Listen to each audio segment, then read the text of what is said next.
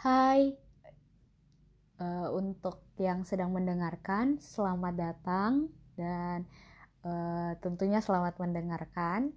Ini episode kami yang pertama yang sesuai judulnya kita akan membahas mengenai food loss dan food waste. Uh, untuk uh, lebih lanjutnya, uh, mari kita langsung masuk ke pembahasannya.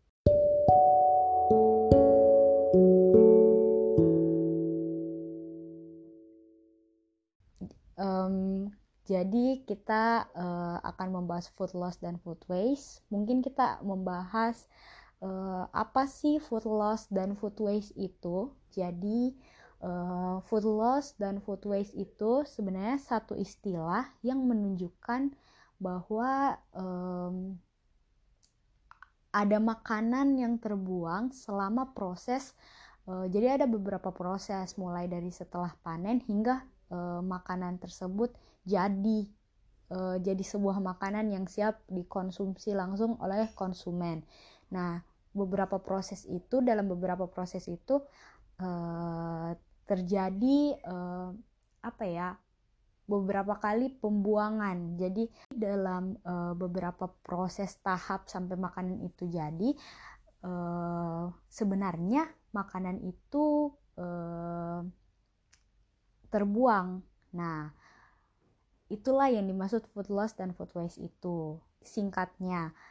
Nah, meskipun kedua uh, istilah antara food loss dan food waste itu sebenarnya biasanya uh, digunakan tidak terpisah, uh, tapi sebenarnya kedua istilah ini menunjukkan hal yang berbeda.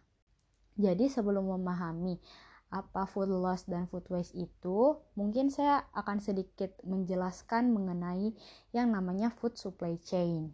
Nah, uh, jadi uh, kenapa food loss dan food waste bisa terjadi? Yaitu karena adanya food supply chain. Food supply chain itu adalah proses yang menjelaskan bagaimana makanan dari setelah panen dari pertanian uh, atau peternakan atau dari laut, pokoknya dari sumbernya itu bisa sampai hingga di meja makan. Nah, mungkin di zaman dahulu orang itu eh, makan semua makanan yang eh, mereka bisa hasilkan. Misal mereka bercocok tanam, ya mereka makan dari hasil cocok tanamnya, atau mereka makan dari hasil perburuannya, mereka makan dari hasil tangkapannya. Semenjak eh, zaman semakin berubah, semakin canggih, adanya sistem uh, transaksi beli membeli, habis itu transportasi semakin canggih, teknologi semakin canggih. Nah, sekarang eh, makanan yang kita makan di me di meja kita, di piring kita itu belum tentu makanan yang berasal dari uh, lingkungan yang sama tempat kita tinggal. Jangankan lingkungan, dia belum tentu berasal dari negara yang sama tempat kita tinggal. Bisa jadi makanan yang kamu makan itu berasal dari negara lain yang sebenarnya kamu tidak tahu kalau makanan itu berasal jauh sebenarnya dari kamu. Nah, jadi uh, food supply chain itu uh, dengan kondisi zaman seperti ini terjadi di mana-mana. Nah, dalam prosesnya itu ada beberapa tahapan. Uh, ada tahapan input, uh, produser, terus prosesor, terus uh, distributor, terus ada pedagang yang jual banyakan seperti market, pasar, sama ada penjual uh, yang eceran, terus ada restoran dan ada konsumen. Nah, jadi ada beberapa tahapan tadi. Nah, uh, kembali lagi ke masalah food loss dan food waste. Nah, kalau food loss sendiri adalah istilah yang digunakan untuk menunjukkan penurunan masa makanan yang mana e, makanan itu harusnya dapat dimakan tapi justru hilang atau terbuang dalam proses pengelolaan makanan. Jadi jadi e, food loss itu singkatnya merujuk terhadap semua makanan yang terbuang bahkan sebelum sampai di tingkat konsumen. Nah, eh, dia biasanya terbuang eh, banyak terbuang itu di proses produksi hingga distribusi. Eh, penyebabnya bermacam-macam. Ada misal cuaca yang terlalu panas atau dia terlalu lembab. Eh, terus eh, faktor seperti hewan pengerat, parasit dan jamur juga menjadi salah satu penyebabnya. Nah, yang tidak kalah penting penyebabnya itu bisa jadi karena infrastruktur atau transportasi yang tidak memadai. Seperti misal dia tidak punya uh, tempat penyimpanan makanan yang baik seperti kulkas. Uh, pokoknya hal seperti itu.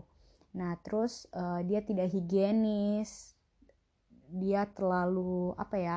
dalam satu tempat misal terlalu banyak uh, makanan yang uh, tersimpan jadi tidak tahu bahwa misal di bawahnya itu uh, dia busuk dan segala macam terus bisa juga karena pengemasan yang tidak baik jadi ada beberapa uh, penyebabnya nah sedangkan food waste itu kebalikannya food waste itu terjadi uh, kehilangan makanan pada akhir rantai makanan yang biasanya terjadi di penjual-penjual makanan uh, atau di konsumen. Kenapa food waste sendiri bisa terjadi? Uh, ada banyak faktor. Nah, kualitas uh, standar konsumsi.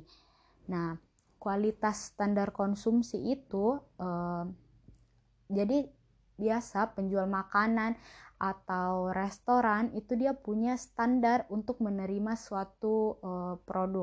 Jadi misalkan dia beli satu box wortel. Nah dalam satu box wortel itu ternyata beberapa itu harus terbuang. Kenapa? Karena dia tidak memenuhi standar untuk masuk ke dapur restoran tersebut. Misal saja um, misal saja mungkin kalian tahu kalau uh, wortel itu bentuknya uh, kadang ada yang agak aneh. Nah, bentuk yang agak aneh itu tidak masuk misal di standar restoran tersebut, makanya dibuang. Hal-hal seperti itu.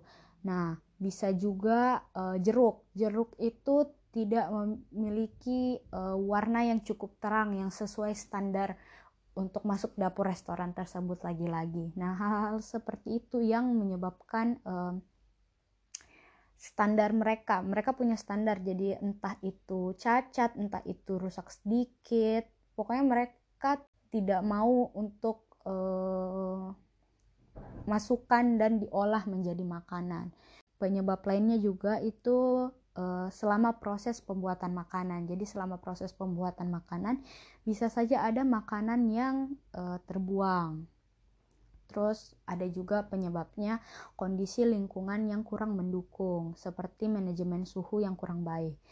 Selanjutnya, kurang perencanaan. Jadi sebenarnya perencanaan itu penting dalam e, menjaga, e, mencegah terjadi food waste ini.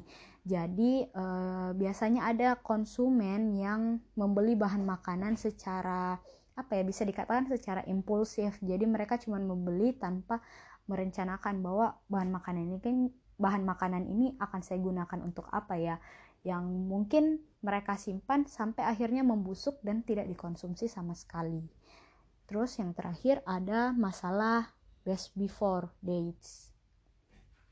Nah, permasalahan best before dates ini biasa yang menjadi keliru sehingga kadang kalau sampai batas best before mereka buang padahal belum tentu uh, setelah mencapai sebenarnya se saat makanan mencapai batas best before-nya itu menunjukkan bahwa makanan itu tidak lagi segar, bukan makanan itu berbahaya untuk dikonsumsi. Jadi penggunaan best before itu digunakan untuk makanan yang tahan cukup lama. Itu beda dengan expired dates.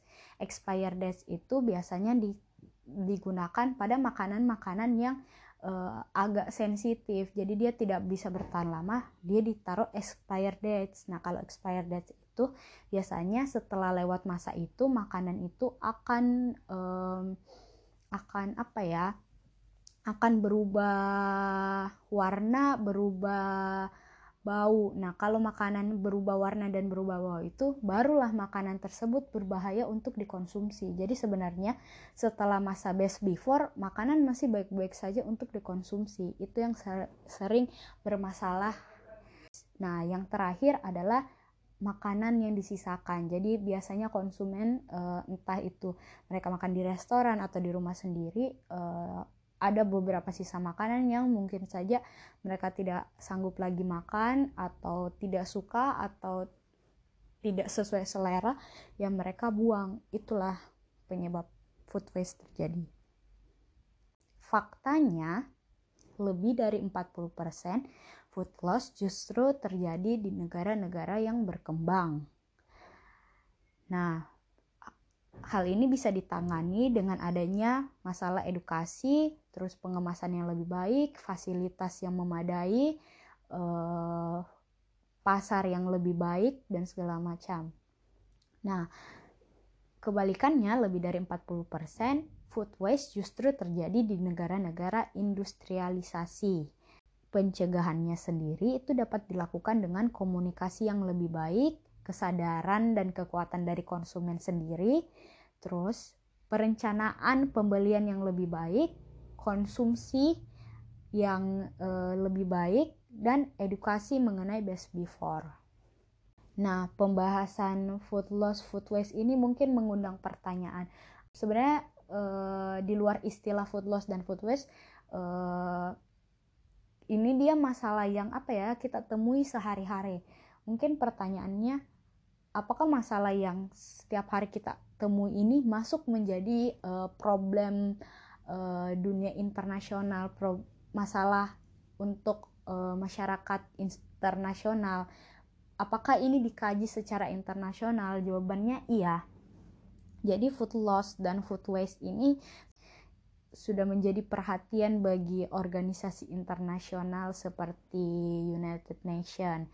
Jadi uh, mungkin uh, kalian sadar kalau misal uh, beberapa tahun belakangan ini permasalahan lingkungan itu permasalahan yang cukup masif untuk uh, dibahas dan uh, ternyata food loss dan food waste ini juga ma masuk menjadi salah satu uh, pembahasan dalam lingkungan yang uh, cukup menuai perhatian.